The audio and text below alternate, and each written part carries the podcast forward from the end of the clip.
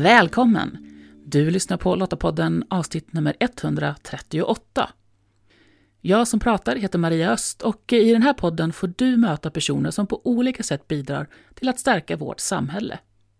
Min förhoppning det är att du tar med dig något från det här avsnittet som en ny kunskap, inspirerade dig eller gav dig ett tips så att du kan öka din förmåga att främja, förankra och försvara vår demokrati.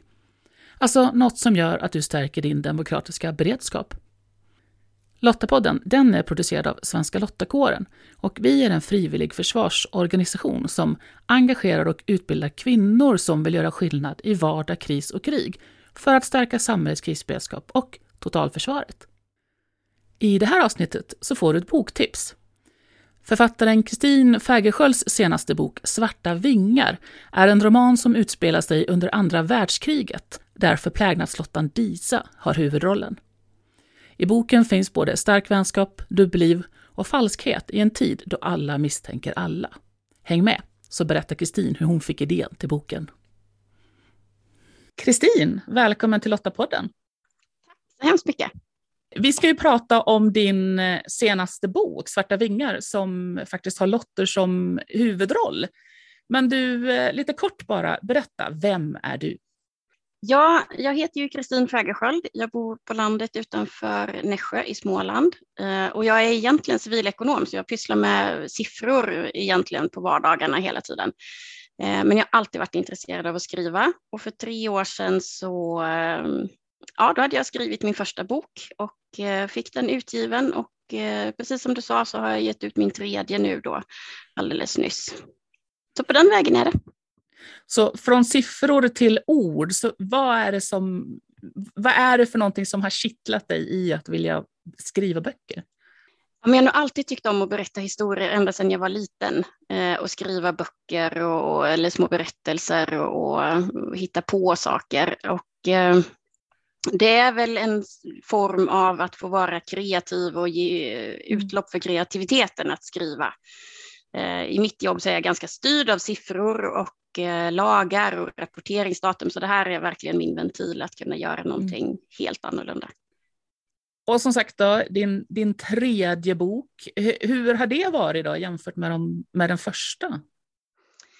Jag eh, känner mig ju mycket säkrare nu på hur jag ska skriva och vad jag ska skriva och hur jag lägger upp en historia. Eh, och den tredje boken känns också väldigt kul för den utspelar sig bara i Sverige medan eh, de andra två har varit Ja, den första var lite i England och den andra var i Frankrike. Så att det här är bara Sverige. Så liksom mm. sparat massa idéer från ettan och tvåan och nu skrivit in dem i den tredje boken då, mm.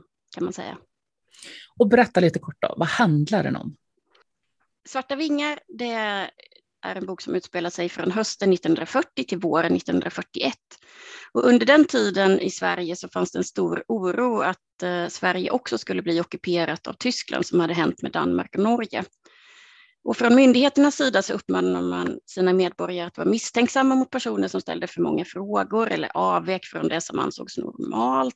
Och man var ganska misstänksam mot personer som hade varit utomlands eller var, var utomlands ifrån. I den här boken då så är det en förplägnadslotta som heter Disa som är huvudroll, huvudrollsinnehavaren och hon jobbar på regementet i Strängnäs. Och eh, I början på hösten så får hon en ny väninna som heter Betsy som också ska börja jobba där. Eh, men Betsy är väldigt annorlunda mot Isa. Hon är snygg som en filmstjärna och hon är totalt värdelös på allt som har med kökssysslor att göra. Då. Men mot alla ord så blir Disa och Betsy ändå vänner. Och parallellt med att man får följa Disa och Betsy så får man också en historia om en eh, tjej som heter Ilse. Hon har kommit från Tyskland till Strängnäs med ett hemligt uppdrag. Eh, och senare under hösten så börjar det hända märkliga saker på regementet och, och, då ställs eh, frågan verkligen på sin spets. Vem kan man lita på? Vem är vän och vem är fiende? Så det kan man väl säga lite kort att boken handlar om. Hur blev den här historien till? Vad, vad har inspirerat dig? Ja, alltså jag har alltid varit väldigt intresserad av historia och särskilt andra världskriget. Och när jag var liten så lyssnade jag mycket på eh, vad farmor och farfar hade att berätta om sina upplevelser från kriget.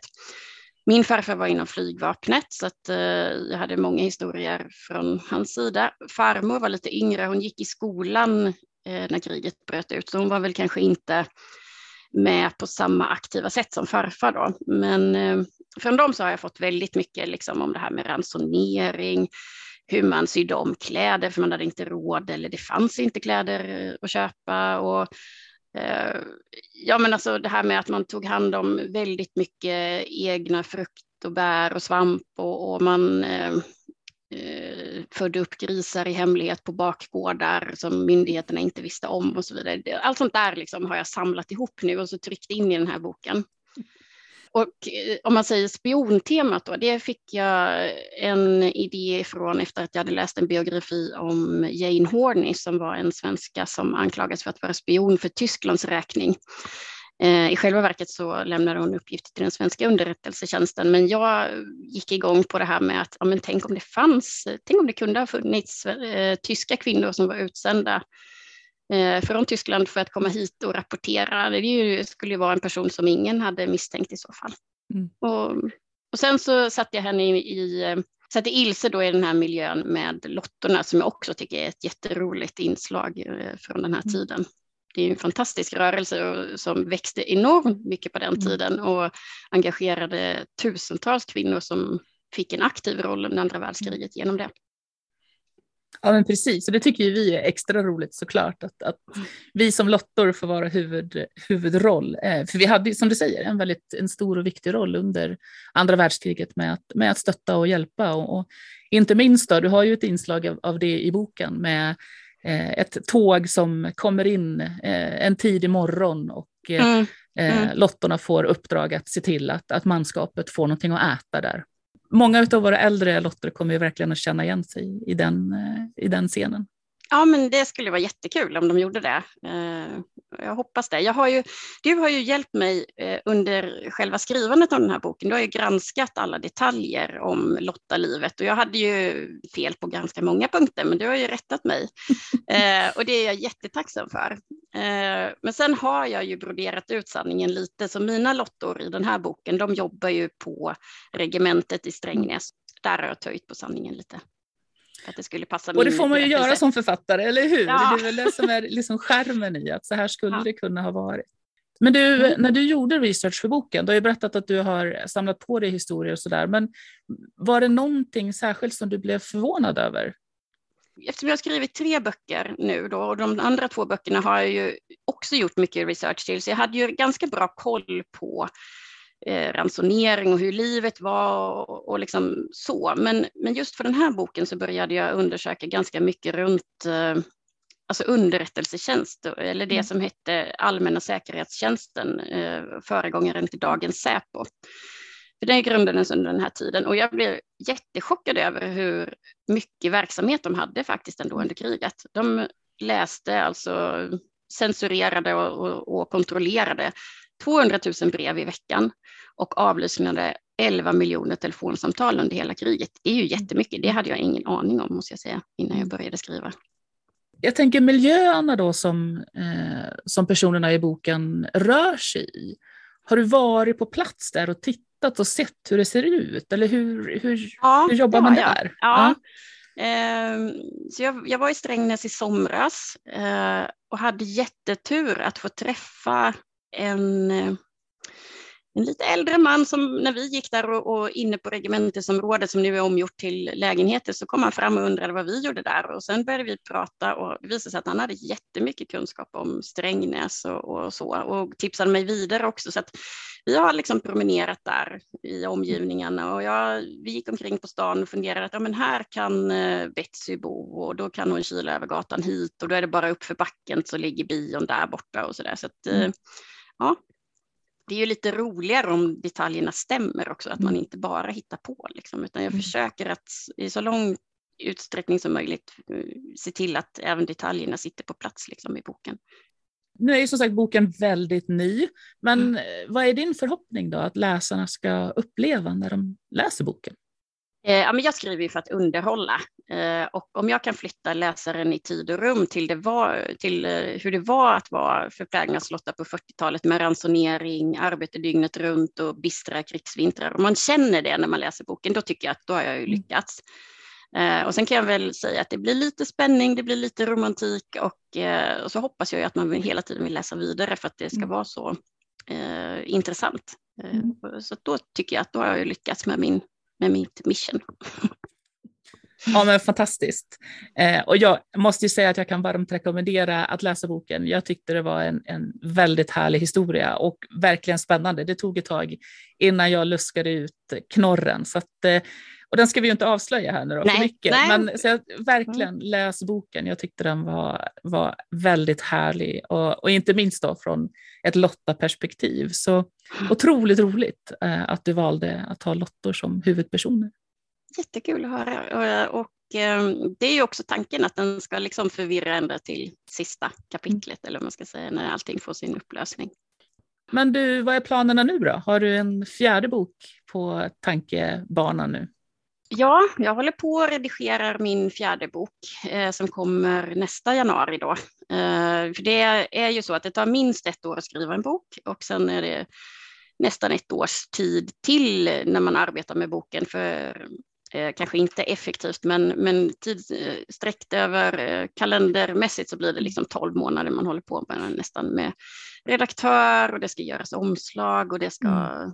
säljas in och man ska skriva baksidestext och det är mycket som ska fixas under tiden. Mm. Så att, eh, eh, ja, men jag försöker liksom ha eh, en bok i den här fasen att jag redigerar och så försöker jag också skriva lite på den femte boken så att mm. den ska finnas och ta vid när den andra mm. kommer ut sen. Så att, det blir en helt annan tid och lite, annan, lite annat upplägg men jag kan säga så mycket att det är fortfarande liksom en historisk tid det utspelar sig mm. i i alla fall. Kristin, tack så jättemycket för att du var med oss och berättade om eh, Svarta vingar. Tack snälla Maria. Tack. Jag tror eh, att vi alltid kan lära oss något av historien. Och för mig är en stor del av bokens budskap vikten av att göra en insats när samhället behöver oss. Vi lotter har alltid ställt upp när samhället har behövt vår kompetens och det är fantastiskt att jag i Kristins bok kan få leva mig in i hur det var då och känna i mitt Lotta-hjärta att ja, jag är också beredd att göra min del om det skulle behövas. Hoppas att du också blir inspirerad om du läser boken. Lästips relaterat till det vi samtalat om i det här avsnittet det hittar du på lottapodden.se. Jag vill också påminna om att eh, Mötesplats samhällssäkerhet genomförs 31 maj till 1 juni på Kistamässan i Stockholm. Perfekt för dig som är yrkesverksam inom Sveriges olika samhällsnivåer att möta andra som, precis som du, funderar på hur vi tillsammans bygger ett starkt och tryggt Sverige. Gå in på samhallssäkerhet.se och läs mer. Och om du, precis som Svenska Lottakåren, tycker att fred, demokrati och mänskliga rättigheter är värda att försvara och du vill vara med och göra skillnad för vårt samhälles krisberedskap och totalförsvar, ja, men då ska du gå till svenskalottakåren.se där hittar du information om hur just du kan göra skillnad. Nästa avsnitt av Lottapodden kan du lyssna på om två veckor. Så om du inte redan gör det, prenumerera på Lottapodden så du hör avsnittet i din poddspelare direkt när det släpps. Du hittar podden bland annat i Apple Podcast, Podbean eller på Spotify. Och om du gillar Lottapodden, berätta gärna för andra om den och lämna gärna en recension på Apple Podcasts så hjälper du fler att hitta till podden. Och tack för att du lyssnar. Hej så länge!